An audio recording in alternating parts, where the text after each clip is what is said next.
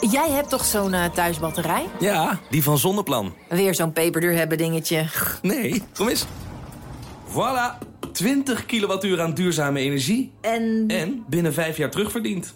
Joh, van uh, wie was die ook alweer? Zonneplan. Ontdek jouw revolutionaire rendement op zonneplan.nl.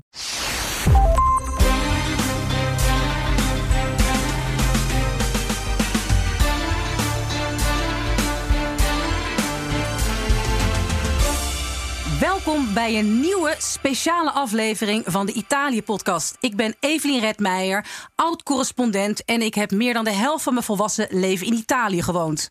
En ik ben Donatello Piras, presentator, dagvoorzitter.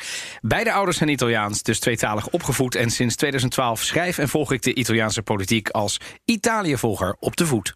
Wat gaan we vandaag doen? Het is ongelooflijk. Het is de tweede aflevering en het is nu al een speciale extra aflevering om te vieren dat de Serie A van het voetbal in Italië weer van start gaat. Het is een van de populairste competities ter wereld. Hij begint 20 juni weer in lege stadions, want corona. En met een moordend tempo wordt eh, de rest van de competitie er doorheen gejaagd, zodat er op iedere dag een wedstrijd te zien is.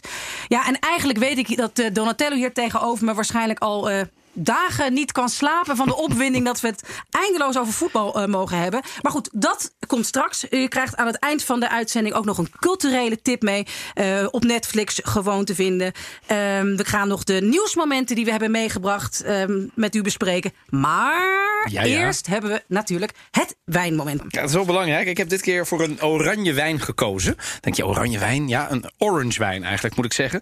De eerste, hij is een beetje ge gelinkt aan de competitie. De eerste wedstrijd is Torino-Parma. Oftewel in Piemonte. En het is dus ook een Piemontese wijn. Ja, waar, kennen we ervan? Nou, de meeste mensen die kennen dan de Barolo, die kennen een Nebbiolo wel. Of in witte druif is dan de Arnijs. Komt ook allemaal daar vandaan. Maar dit is een Timorasso. Um, en ja, daar wordt dan een, een, oh, zelfs voor Italiaans begrip is dit een ongewone wijn.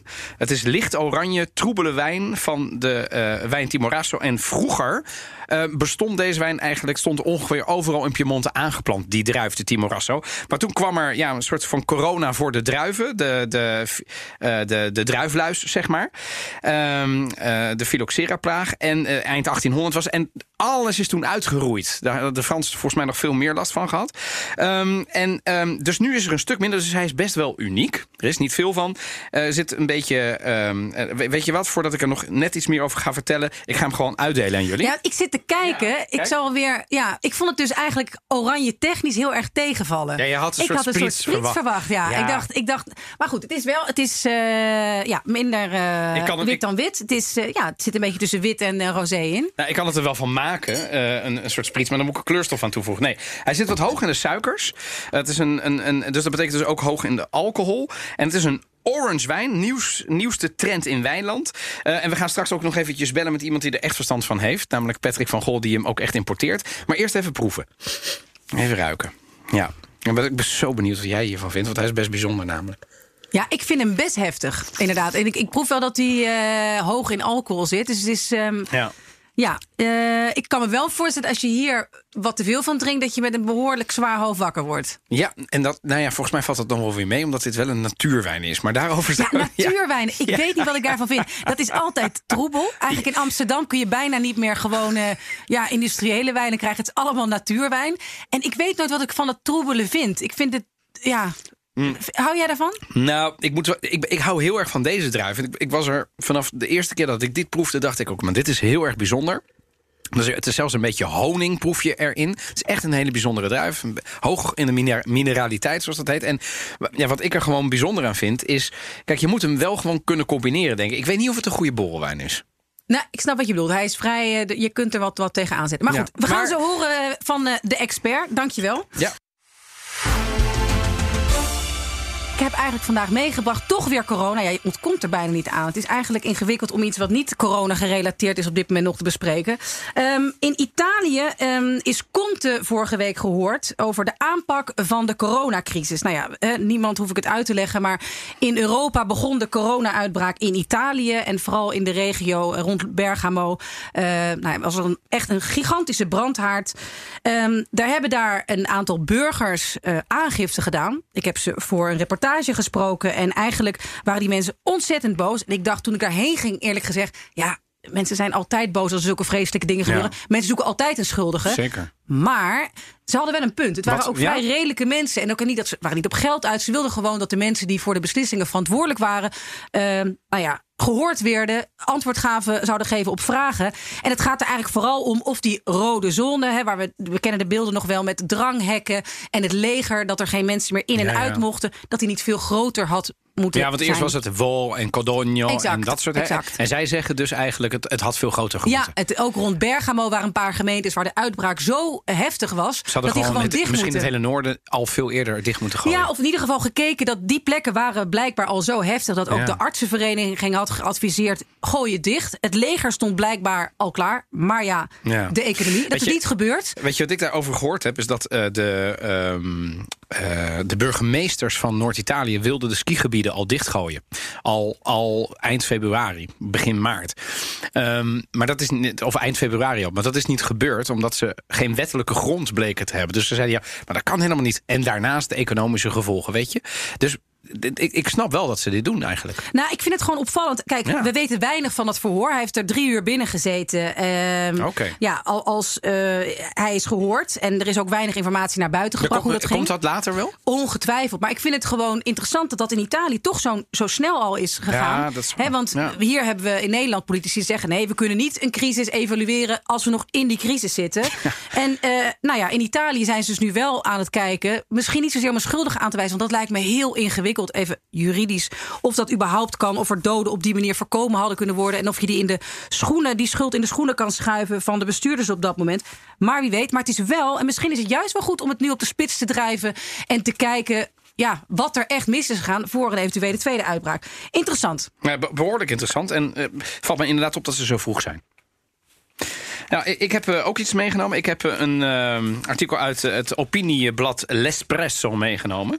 Dat is eigenlijk de tweede opinie. Je, hebt, je had vorige keer Panorama. Nou, dat is, dat is de nummer één volgens mij. En dit is de nummer twee. Ja, dit is de linkse. Ja, ik wil het zeggen, dit is de wat linksere variant. Overigens, de linkse variant schuwt de grote koppen ook niet. En de linkse variant, een beetje gelieerd ook aan La Repubblica.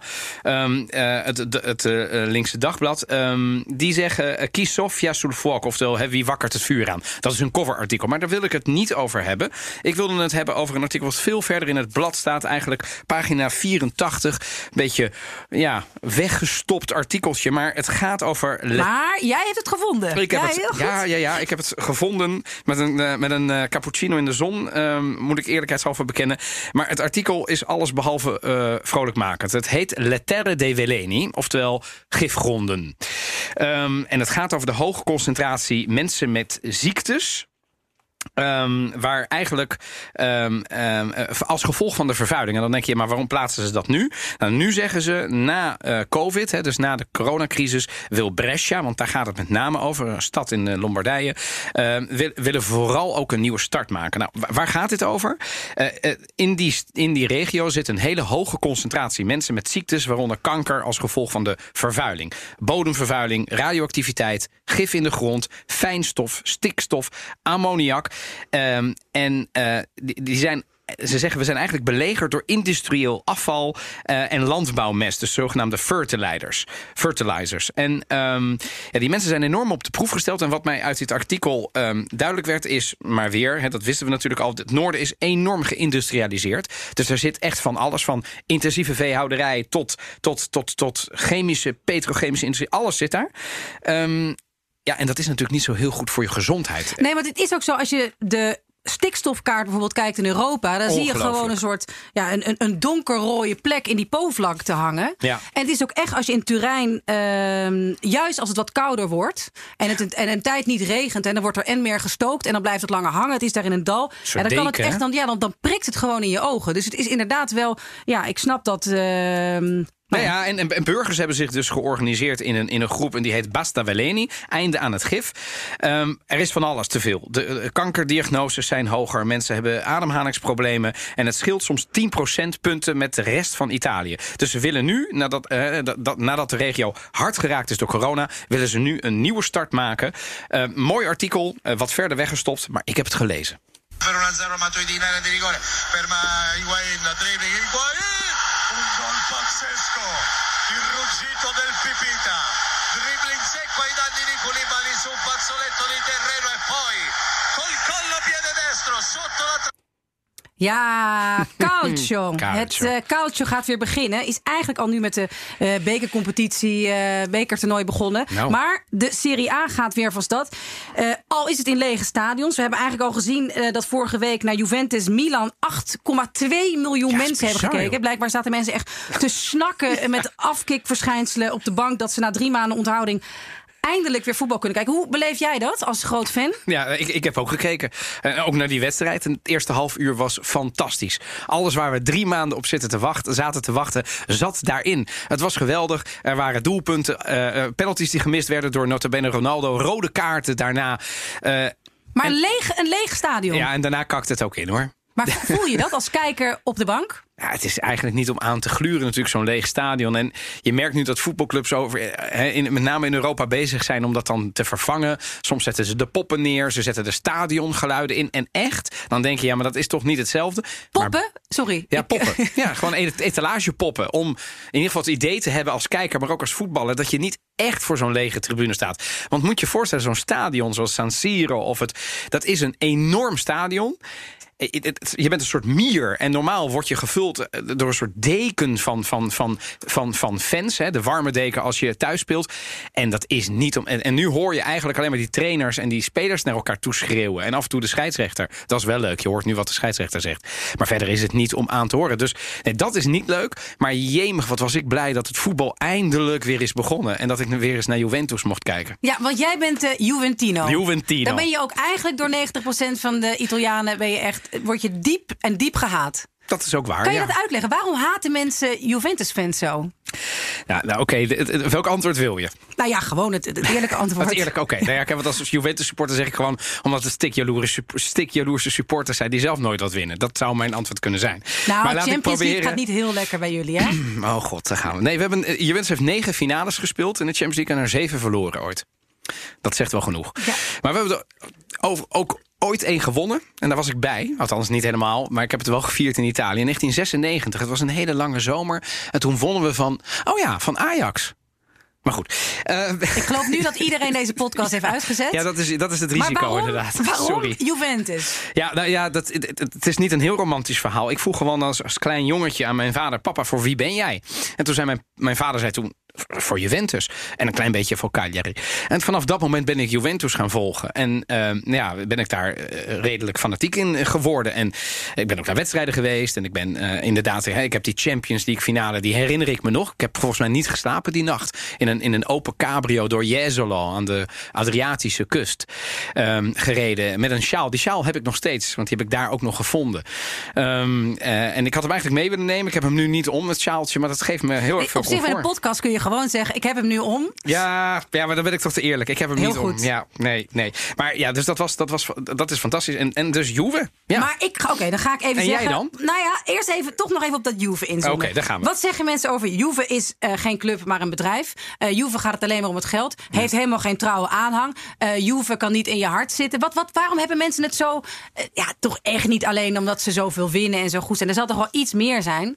Ja, ja, het is heel moeilijk voor mij om dat te scheiden. Omdat, kijk, kijk als supporter van die club... Het is, het, heeft, het is een van de oudste clubs van Italië. Het is de oude dame. Het is een respectabele club. En ja, het is een bedrijf. Maar er zijn heel veel clubs die gewoon beursgenoteerde bedrijven zijn. En het is door de familie Agnelli gesticht. Hè, de familie Agnelli, het Fiat-concern. Ja, dat zijn echt weldoeners. Dat zijn echt mensen die. eh, Nou ja, dat zeg ik niet, maar het zijn wel respectabele mensen. Ja, zeker.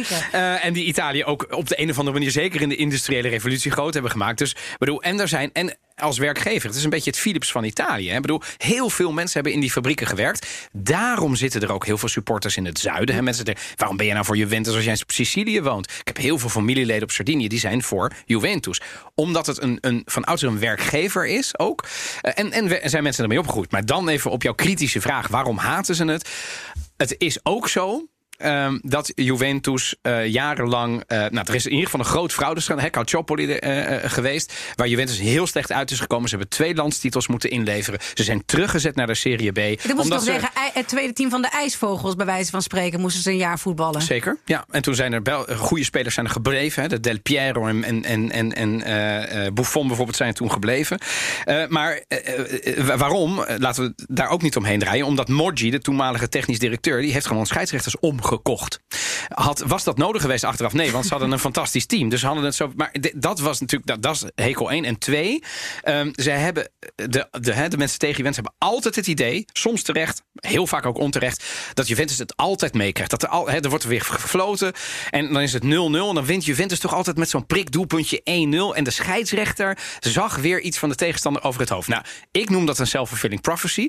maar je vroeg mij waarom veel kritiek... omdat ze ook heel veel voordeel hebben in wedstrijden. Nou, ik zal je eerlijk bekennen dat ik eigenlijk, als het gaat om voor welk team ik ben, ik best wel een, eh, een sloerie ben. Ik, ik wissel nog wel eens. Vertel. Eigenlijk eh, al naar gelang de stad waar ik woon. Ik heb in Florence gewoond en toen zat ik eh, met een paar sociaal in, voor Fiorentina te juichen. Ja. Ik heb in Genua gewoond, toen was ik echt een Samp-fan, een Sampdoria-fan. En in mijn vijf jaar Rome eh, mocht ik graag eh, uiteraard voor AS Roma eh, op de tribune zitten. Ja, ik vind het gewoon heel leuk om naar die voetbalwedstrijden te gaan. Ja, precies. En Dat is ook mooi. Hè? Dat, is de, dat gaat jou ook meer om de, om de voetbalbeleving... dan dat je natuurlijk...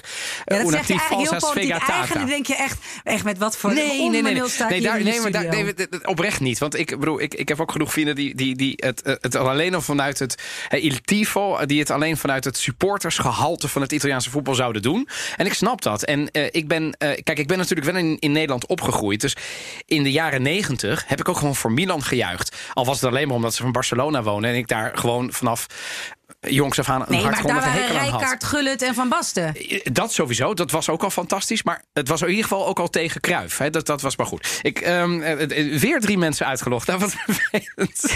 Nee, maar eh, ja, wat heb jij tegen... Maar goed, dat is Nee, voor een voor hele een andere andere keer, sessie. ja. Maar even kijken, hoe belangrijk is, eh, is het ook gewoon economisch voor het land? Ja, nou kijk, ehm, het het feit dat ze weer begonnen zijn. ehm, is belangrijk. En ehm, daar is ook heel veel kritiek op geweest. Hè. Er zijn ook um, Strichoni, de spandoeken geweest. eh, ook van supporters van diezelfde club. Die zeiden, joh, de mensen die gaan hier dood. En jullie denken alleen maar aan het voetbal. Uh, Fat schifo, het is, het is vreselijk. Dus um, het is heel erg omstreden geweest in Italië. Maar ze zijn nou eenmaal begonnen en dat heeft dat heeft te maken met twee dingen. Eén, bedrijfseconomisch en twee, emotioneel. En ja, weet je, dat emotionele argument dat heb ik ook gehoord. Maar Ja. als je gewoon objectief kijkt, de hele uitbraak in Noord-Italië... daar is ook gewoon, hè, wat, wat een beetje de, eh, de après-ski-tenten waren in Oostenrijk... was eh, de wedstrijd Valencia-Atalanta in San Siro. ongelooflijk, Dus dat, ja, dat dat een gevaarlijk, eh, gevaarlijke plek is... Ja. Nou ja, en, ja. ja, en ook dat je kunt zeggen, ook als het met lege stadions of het gepast is. Ik denk van wel, eerlijk gezegd. Maar om nou te zeggen dat anders ja, het aantal zelfmoorden in Italië zou, eh, zou toenemen. Nee, maar kijk, je kunt het. eh, je- en, en met emotioneel bedoel ik niet zozeer psychisch. Hè, zeg, dat mensen er aan onderdoor zouden gaan als het niet zou beginnen. Maar ik bedoel er meer mee te zeggen dat het voetbal echt heel erg leeft in Italië. Eh, maar als ik. Kijk, de, de harde cijfers zijn natuurlijk, wat mij betreft, de echte aanleiding. Ehm, ik heb een paar cijfers ver- eh, verzameld. De tv-rechten bijvoorbeeld in de Serie A die zijn goed voor 973 miljoen per jaar. Maar bijvoorbeeld het laatste deel van die 230 miljoen is op dit moment nog helemaal niet betaald. Omdat ja, de clubs zijn afhankelijk van die inkomsten. Eh, maar door die coronacrisis is er natuurlijk iets vreselijks gebeurd. En Sky, die bijvoorbeeld een van, hè, een van de uitzendrechten heeft, die zegt: Ik wil korting van die zendgemachtigden. Maar die willen dat eigenlijk helemaal niet. Dus er is een enorm juridisch getouwtrek op dit moment. Clubs zijn heel erg afhankelijk van geld. En in de Gazzetta dello Sport. Heb ik ook, Ook bij zo me. bizar, hè? Ja, dat ja. Italië gewoon, eh, gewoon twee, twee kranten Drie. vult. Drie, Drie kranten vult alleen. Maar wat stond daarin de afgelopen coronatijd? Ik heb hem dus niet gekocht. Nee, maar ik, ik, ik, ik, ik las hem wel online en het ging heel erg ook over de coronacrisis. Eh, en nu eindelijk staat het. En eh, Gazzetta dello Sport is een beetje opgebouwd zoals Italië is opgebouwd in de sportliefde. Dus de eerste pagina's gaan per definitie over voetbal. Tenzij we iets winnen in de autosport, dan staat dat er. Tenzij er een wielrenner iets wint, dan staat het wielrennen erin. Of de Olympische Spelen zijn er en de Italianen winnen goud of iets anders. Maar in ieder geval, nu is het voetbal weer begonnen. En daar staat Il Buco degli Stadi in op een bepaalde pagina. En eh, dat betekent ja, het, het, het gat van de stadions. En dan wordt er berekend, naast dus die tv-gelden, hoeveel geld ehm, de clubs mislopen. Met een hele mooie grafiek zo in een leeg stadion. Hoeveel geld de clubs mislopen doordat mensen gewoon geen kaartje kopen. En bijvoorbeeld eh, Inter loopt 10, tussen de 10 en de 18 miljoen mis. Atalanta loopt eh 5 miljoen euro mis. Juventus wordt zelfs op 25 miljoen euro eh, geraamd. Kortom, die clubs krijgen gewoon hun begroting niet rond. En dan terug naar jouw verhaal, Evenie. Jij zei, ja, het zijn misschien wel bedrijven. Ja, het is niet alleen Juventus hè, als bedrijf. Eh, de top 10 in Italië zijn allemaal hele grote bedrijven. Die krijgen gewoon hun begroting niet rond. Spelers krijgen hun salarissen niet. En dan denk je, ja, hoe boeiend is dat? Voor volgend jaar zou dat een groot probleem zijn. Plus, en dan stop ik echt, ehm, zijn al die competities nog bezig. Dus de Coppa Italia was nog niet klaar, de Serie A was nog niet klaar. En er zijn best wel wat teams eh, die meedoen in de Europese competities. Dus dat is een beetje het bedrijfseconomische.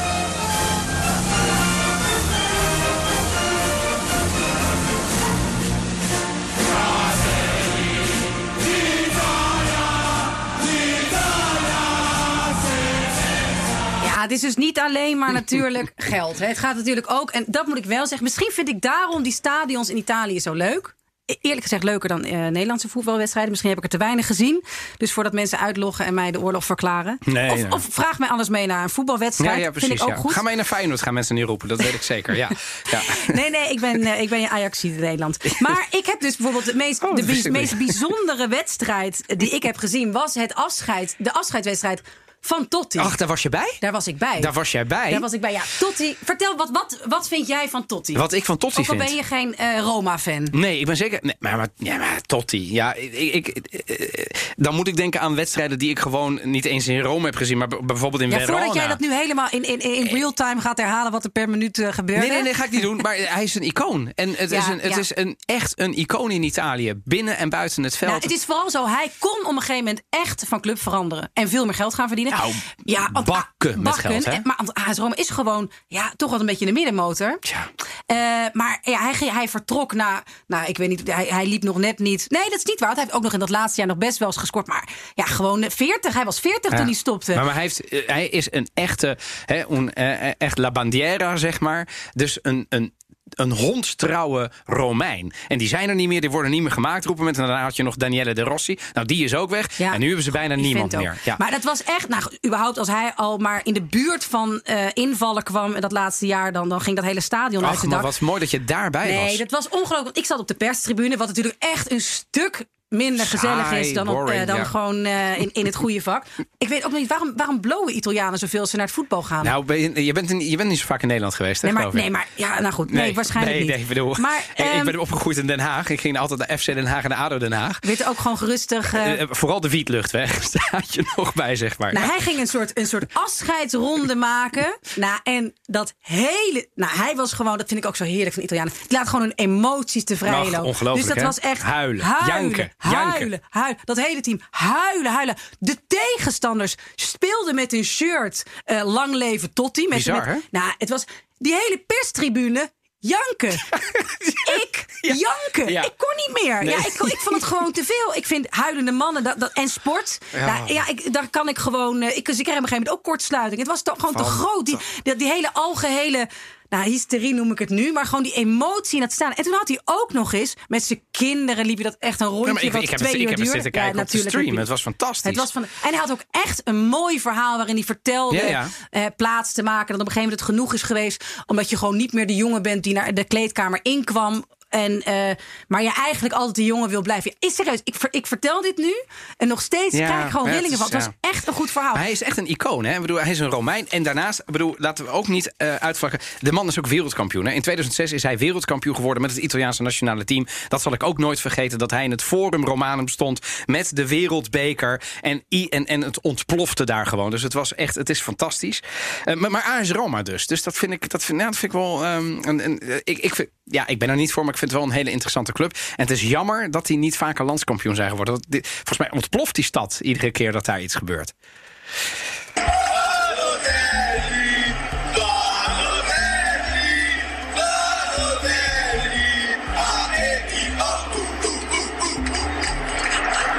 Ja, want het is natuurlijk niet alleen maar eh roze geur en maneschijn in de Italiaanse voetbalcompetitie. Het, is, eh, het staat er gewoon ook om bekend om de meest racisti- racistische voetbalcompetitie van, eh, van de wereld te zijn.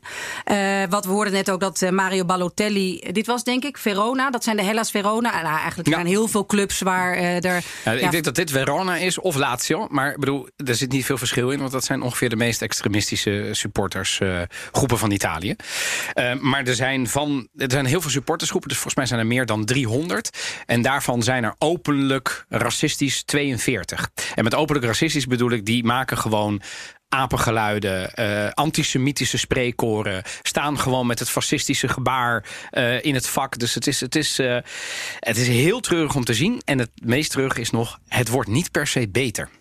Nee, dat is zo opvallend. Hè, waar af en toe, dat is vaker helaas, eh, tot mijn spijt met Italië. Ja, zo, ja. Dat ik denk, hè, de, de, de wereld eh, gaat, eh, gaat verder en zet stappen. En zeker ook op dit gebied blijft Italië weer achter. Ik geloof dat veel mensen dat we hebben gezien vorig jaar, eind van het jaar, was er juist om racisme eindelijk in de band te doen, hadden ze een anti-racisme campagne bedacht. Ja, eh, Ja, met ik laat hem nu zien. Ja, met, ja. met drie apen. En dan was het idee, ja, want uiteindelijk zijn we allemaal Apen. A- apen, mensapen. Terwijl ja, juist apen en apengeluiden, dat was. Ja, Nou, we dat, is, dat het is het symbool We inderdaad het van dit soort racisme. ja. Van mensen die, vooral donkere spelers, vanuit een, een totaal ignorant gedachte associëren met apen. En, en toen heeft er een ontwerper heeft gedacht, ja, hè, dus die heeft heel erg out of the box gedacht. En die dacht. Ja, maar we zijn allemaal apen. En, Maar soms moet je Ja. misschien niet te veel out of the box eh, denken. Je zeker gewoon- niet bij af- racisme. nee, nee. Nou, ja, ja. Daar is het namelijk gewoon heel erg pijnlijk voor heel veel spelers. Er zijn ook spelers. Er is een speler van Juventus, van het damesteam van Juventus, is weggegaan dit seizoen nog uit Italië. Een donkere dame, omdat Oh ze zei: Ik ben het zat om iedere keer naar een winkel te gaan. Als ik naar een winkel loop eh, in Turijn, eh, gewoon gaan winkelen met vriendinnen. Dan, dat mensen me dan aankijken alsof ik iets ga stelen. En dat is niet fictief. Hè? Dat is, eh, we zitten natuurlijk nu in een hele beweging van Black Lives Matter. En dat raakt zeer zeker in Italië ook het voetbal. Ehm, en ehm, eh, kijk, ik. ehm, ik, ik, ik weet nog dat toen Balotelli, want daar ging het net over. eh, Mario Balotelli, die is overigens in Italië geboren. En eh spreekt In gewoon... Brescia of Bergamo, toch? Brescia, ja, ja. Brescia. En is gewoon ehm, eh, geboren getogen, spreekt accentloos Italiaans. Is gewoon een Italiaan. Maar dat vindt de Italiaan vindt dat heel lastig om dat, om dat toe te geven. En ik weet nog dat er ook vrienden van mij waren die zeiden toen hij in het nationale Italiaanse team. vrienden. Italiaanse vrienden, Sissi. eh, die toen hij ging spelen voor het nationale team zeiden. Ja, ik vind het toch lastig, hè? Zo'n donkere speler. En dan, en dan niet boos of, of extreem racistisch van. Hè, ze, zeiden, ze zeiden niet the N-word. Maar wel zeiden, ja, een donkere speler in het Italiaanse team. Het, ik, het blijft toch wennen. En dat verklaart, vind ik ook heel erg waarom dat racisme nu zo. eh, eh, het verklaart het in de zin dat ik, dat, dat ik probeer uit te leggen waarom het zo is. Ik zeg niet dat het. Hè, daarmee eh, eh, keur ik het absoluut niet goed. Ehm, Italië is een land wat van oudsher een, een, een, een, emigratieland. Dus mensen emigreerden weg, gingen daar weg. En in de jaren negentig was het nog een land ehm, wat eh, helemaal niet zo heel veel. Het had een paar honderdduizenden emigranten op 60 miljoen. Dus dat was nog niet op voor 58 toen, maar dat was niet veel. Nu wonen er miljoenen. Ehm, ehm, eh, eh, eh, buitenlanders, dus niet geboren Italianen. Ja, en dat is dus wel een, ehm, eh, een, een, een, enorm verschil. En ja, we moeten maar misschien maar eventjes kijken wa- wat er het tegen in te brengen is. Maar de gemiddelde Italiaan die vindt dus. Wij, wij, ehm, wij zijn eigenlijk altijd weggegaan. Ehm, en nu komen de mensen ook naar ons. En daar moeten ze enorm aan wennen. Eh, Italië heeft helemaal geen koloniën gehad. Zoals de Nederlanders dat gehad hebben. Zoals de Britten dat gehad hebben. Ehm, Ja, maar ik ken dit verhaal hè, en ik heb dit ook heel vaak verteld als verklaring waarvoor. Maar op een gegeven moment. Hoe lang gaan we daar nog op wachten? En hoe lang gaan we deze eh, rechtvaardiging nog... zeker in dat voetbal waar gewoon... ja, eh, er juist ook in andere competities... hele snelle stappen zijn gezet. En hier wordt er altijd nog vergoeilijk van... ja, nee, maar dat moet je toch niet anders zien. Het wordt nooit eens een keer hard afgekeurd. Dat lijkt me af en dat, dat, dat, dat verbaast me af en toe zo. Ja, maar, maar dat komt dus. Dus het is niet zozeer een excuus als wel een verklaring ehm, waarom, het, waarom het is. Dus zelfs de mensen die er iets aan zouden moeten doen, ehm, die kunnen het niet voor elkaar krijgen. Waarom niet? Omdat ook die mensen niet. Nou, die, die verklaring is eigenlijk. Die, die, die, die reclame, die antiracisme reclame met die apen. Ze dachten daadwerkelijk iets goeds te doen door dat te laten zien. Op te staan voor racisme. En ze zagen ook niet, heel veel Italianen zien ook niet, waarom dit fout is. Want die zeggen, ja, maar, maar, maar, maar, maar hoe kan dat nou? Dus ze zijn niet alleen slecht geïnformeerd, maar ze voelen ook niet echt. Ehm, en ik denk dat het heel erg te wijten is aan het feit dat ze helemaal niet gewend zijn. Het is bij wijze van spreken alsof je naar een plattelandsdorpje gaat. waar de eerste buitenlander bij wijze van spreken door, op een fiets voorbij komt. en de mensen denken: maar wat is Ja, dit? maar dat is toch. Dat had je misschien 10, 15 jaar geleden kunnen zeggen. Ik vind inmiddels. Nee, nee, maar, maar, Ja. maar het, ik denk dat het proces van een land wat zo lang daar niet mee te maken heeft. Nogmaals, ik, ik keur het. Nee, nee, hè, dat snap ik. Het is, het is absoluut geen goedkeuring, want eh, het is af en toe om echt de, de, de, de oog uit je kop te schamen wat er gebeurt. Maar wat, ik denk dat dit best wel lang kan duren. Dit kan een decennium duren, dit kan ook wel twee decennia duren. Kijk alleen al naar Nederland. Wij zijn natuurlijk een land wat wel degelijk heel veel. ehm, eh, ja, mensen, eh, laten zeggen, van niet-Nederlands komaf, van, van, van, van, van, van Surinaamse afkomst, van Antilliaanse afkomst. En zelfs hier zit gewoon nog institutioneel racisme. Laat staan in Italië, waar ze dat hele proces nog moeten doormaken. En daar word ik af en toe wel eens verdrietig van, dat ik denk, gaat dat dan echt zo lang duren? En in het, in het voetbal, want daar gaan natuurlijk alle emoties, eh, de mooie emoties, maar ook de slechte emoties de vrije loop. En daar zie je het helaas heel erg slecht in.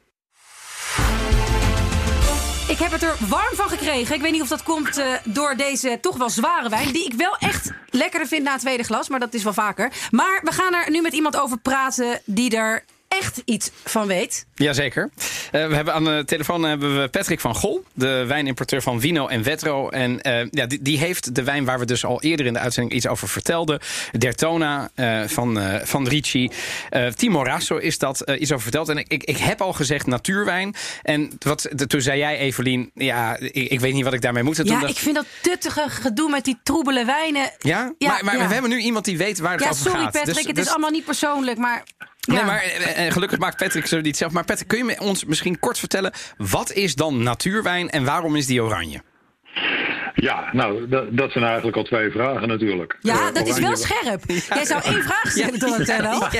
Ja, Het is, eh, dat is ook gelijk. eh, ja, er zijn twee definities. Sterker nog, voor natuurwijn zijn er een hele hoop definities. Oranjewijn is het makkelijkst. Oranjewijn is eigenlijk heel simpel. Dat is witte wijn die gemaakt wordt eh, net op dezelfde wijze als rode wijn. En daarom krijgt hij een wat meer kleur en krijgt hij ook wat meer eh, ondoorzichtigheid. Eh, we zijn met witte wijnen gewend om eh, de, alleen het sap te gebruiken en te fermenteren. En eigenlijk met oranjewijn eh, doe, doe je dat erbij. Dus de schillen en de pitten gaan dan mee in de fermentatie. dus hij wordt, wat, hij wordt wat troebeler. Ja, hij, hij krijgt meer massa, net als rode wijn eigenlijk. Waar kan je dit nou eh, mee- goed mee combineren? Waar, wat, wat zou je hierbij eten? En dan zou het ook krachtige gerechten moeten zijn. Dus als je naar de moderne keuken kijkt, eh, waar in Amsterdam veel restaurants van zijn met gefermenteerde spullen. Dus eh, al- allerlei eh, ingedroogde en gefermenteerde dingen, hoog in de zuren. eh, daar kan zo'n wijn prima in mee. Maar Eh, ma- mag het ja. ook met, met een blokje kaas? Kan dat ook? Nou, dat, daar, daar ging ik heen. Omdat het ook best wel hè, fors in de, in, in, ja, in, in de massa zit, kan het prima met blauwe schimmelkazen. Ah, Eh, ja. Dus zachtere kazen, de taleggio's, eh, gaat, dat, gaat het ook heel mooi. Daar is hij zelfs wel aan de krachtige kant voor, moet ik eerlijk zeggen. En, en als laatste zou ik je dan willen zeggen, voor het eten, eh, doe het eens een keer gewoon met een eh, garnalencurry of zo. Oké, nou hartelijk dank voor jouw toelichting. Cucchi Stefano, nato a Roma il 1 ottobre 1978. Si dichiara innocente o ammette l'addebito? Allora io mi dichiaro innocente per quanto riguarda lo spaccio e colpevole per quanto riguarda la detenzione. Ja, jij had vorige keer een heerlijke, zonnige, vrolijke, opbeurende, fijne serie op Netflix aangeraden. Summertime. En ik kom hier echt met een gitzwarte, loodzware film. Oké. Ja, ook nog gebaseerd op een waar gebeurd verhaal. Dus je kunt jezelf ook niet eh, troosten en in slaap sussen. Nee? Hè, het is maar een film. Nee, dit is een echt verhaal. Het heet Sulla mia pelle. Op Netflix te zien. Eh, en dat gaat over het verhaal van eh, Stefano Cucchi. Die is eh, in 2009 is hij overleden in zijn cel. Nadat hij dus gearresteerd is voor drugsbezit en handel. En ja, er zijn allemaal dagen waar niemand weet wat er is gebeurd. En eindeloos heeft dat geduurd. Het is een van die verhalen van die Italiaanse mysteries. Als je de Italiaanse kranten volgt, dan is het zo'n verhaal dat eens in de zoveel tijd opduikt. En vooral omdat hij een hele bijzondere zus had, Ilaria. En die heeft eigenlijk, nou ja, tot, in tot aan het bittere einde heeft hij gestreden voor eh justitia. Voor gerechtigheid voor haar broer. Eh, ja, hij, ja oké, hij, was een, eh, hij, was, eh, hij, hij handelde in drugs, Drugs, maar ja. niemand verdient het om op die manier eh, te sterven. Ja, ik vond het een, ja, een ontzettend heftige film die echt onder je huid gaat zitten. Sulamia pelle betekent ook op, op mijn huid, betekent dat dan. Ehm, en ja, een behoorlijk indrukwekkende hoofdrol van Alessandro Borghi... die heel veel is afgevallen voor die rol. Nou. Die echt ook, nou ja, het is echt interessant als je die film gaat zien. Als je vervolgens gaat kijken hoe die Cookie er in het echt uitzag. Die is zo ontzettend op gaan lijken. En kijk ook hoe die Borghi er normaal uitziet. Ja, ja, want hij speelt ook in andere films en Precies, series. het is hè? normaal Ja. echt zo'n soort, ja, ja, zo'n eh, ja, zo'n knappe acteur Zeker, is het. ja. En die is gewoon er, die heeft er 20, 30 kilo heeft hij verloren om deze rol te kunnen spelen. En echt te creperen Maar in niet alleen, cel. niet alleen dat. hè. Ik, bedoel, ik, heb hem ook gekeken. Wat eh, vond je ervan? Jee, Evelien, wat vond ik ervan? Eh, eh, Ja, het is 1 uur en 40 minuten eh, kapot gaan. Nou, ik moest wel lachen, want ik kwam vandaag Ja, eh, dat jou, jouw mensen- tegen. Ik zei, en? En die zei helemaal trots, hè, presentatrice van bij een Vandaag, waar ik ook vaak werk. En die zei, ja, nee, hij heeft hem gekeken, alleen. Ik begreep al vrij snel dat dit echt niet voor mij was. Nee, mijn vrouw houdt niet van dit soort films. En dat is eh, eh, Subura en dat soort dingen. En Gomorra kan ik ook niet kijken, want er wordt te veel in geschoten. Maar dit was echt wel next level, want hij kwam Ja. ook wel op mijn huid. Omdat het... Kijk, ehm, ik weet op het moment dat ik dit kijk, kijk ik ook naar het nieuws. En dit is een serie over het politiegeweld. Het is waar gebeurd, deze jongen. En waar ik alleen maar aan moest denken, Evelien, is... eh, ook voor de, de mensen die deze podcast luisteren... als je de naam alleen al googelt... Stefano Kuki, dan, dan kom je en je drukt op afbeelden, dan kom je één afbeelding tegen. En dat is de afbeelding die zijn zus heeft laten zien aan de pers. En toen is het balletje gaan rollen.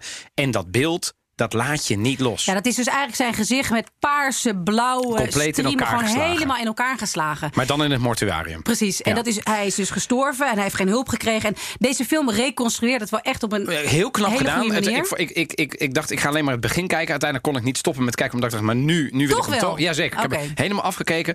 Eh, ik, ik heb dan, het is dat het te laat is, omdat ik er echt nog een borrel voor nodig had om het te verwerken. Maar het toont wel iets aan wat heel erg speelt. Helaas in Italië. Politiegeweld is aan de orde van de dag. Er gaan te veel mensen in de Italiaanse politiecellen dood. En dat toont deze film. Het is wel een icoon dat dat weer laat zien. Want je gaat je er toch weer in verdiepen. Ja, dus voor de mensen die eh This Is Us, bijvoorbeeld ook een Netflix-serie eh, over deze ja. Amerikaanse, over de Central Park 5. Ja? Eh, of nee, When They See Us. Sorry, excuses. Oh, oké, When ja. They See Us over de Central Park 5. Ehm, die, hè, die, die groep ehm, eh, donkere jongens die gearresteerd werd, veroordeeld werd en jaren in de gevangenis heeft gezeten. Mensen die dat interessant vonden, die dat goed vonden, is eh Sulamia Pelle echt een aanrader. En ook op een manier bereiken vooral de beetje luchtige, hele leuke eh, comedies eh, eigenlijk Nederland. Maar Sulamia Pelle, Ja, dat heb ik in de bioscoop niet gezien. Maar hij staat op Netflix en het, eh, ik raad hem eh, van harte aan. Ik ben blij dat je in ieder geval hem eh, af hebt kunnen kijken. Uiteraard. Maar wat gaan we volgende, wat gaan we volgende keer doen? Ja, dan gaan we het hebben over de economie in Italië. Want aan de ene kant is die verguisd door de Frugal Four, waaronder Nederland, de markten en sommige economen wegens slechte staat, de terechte weinige groei. Maar aan de andere kant is het wel de derde economie van de eurozone, de achtste ter wereld en een enorm potentieel. Wij gaan kijken naar de grootste sectoren in Italië. Wat zijn dat naast het bekende toerisme? En waarom staat het land stil? En belangrijker, Evelien, zoals jij ook al eerder zei, Conte is as we speak bezig met een rondgang in Italië. Praat met iedereen op het land een herstart te laten hebben na die coronacrisis. Dus we gaan ook even kijken wat zijn nou die plannen. Dus dat en meer in de volgende Italië-podcast. Ja, dank allemaal voor het luisteren. En uiteraard kun je nog meer afleveringen van de Italië-podcast luisteren in een van de bekende podcast-apps. Ehm, wij hebben er zin in om weer een volgende aflevering op te nemen. En als jullie het ook leuk vonden, alsjeblieft abonneer je. Geef likes, ehm, geef ons sterren. Alles. Tot de volgende keer. Ciao, ciao. ciao.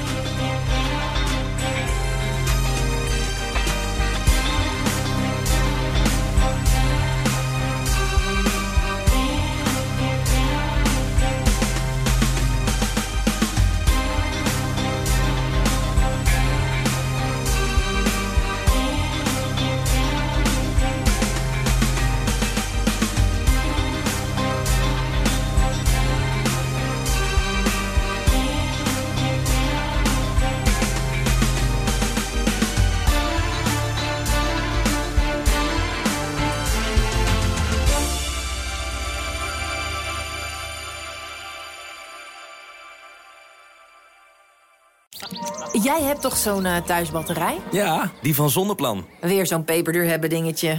Nee, kom eens. Voilà, 20 kilowattuur aan duurzame energie. En... En binnen vijf jaar terugverdiend. Joh, van eh, wie was die ook alweer? Zonneplan. Ontdek jouw revolutionaire rendement op zonneplan.nl.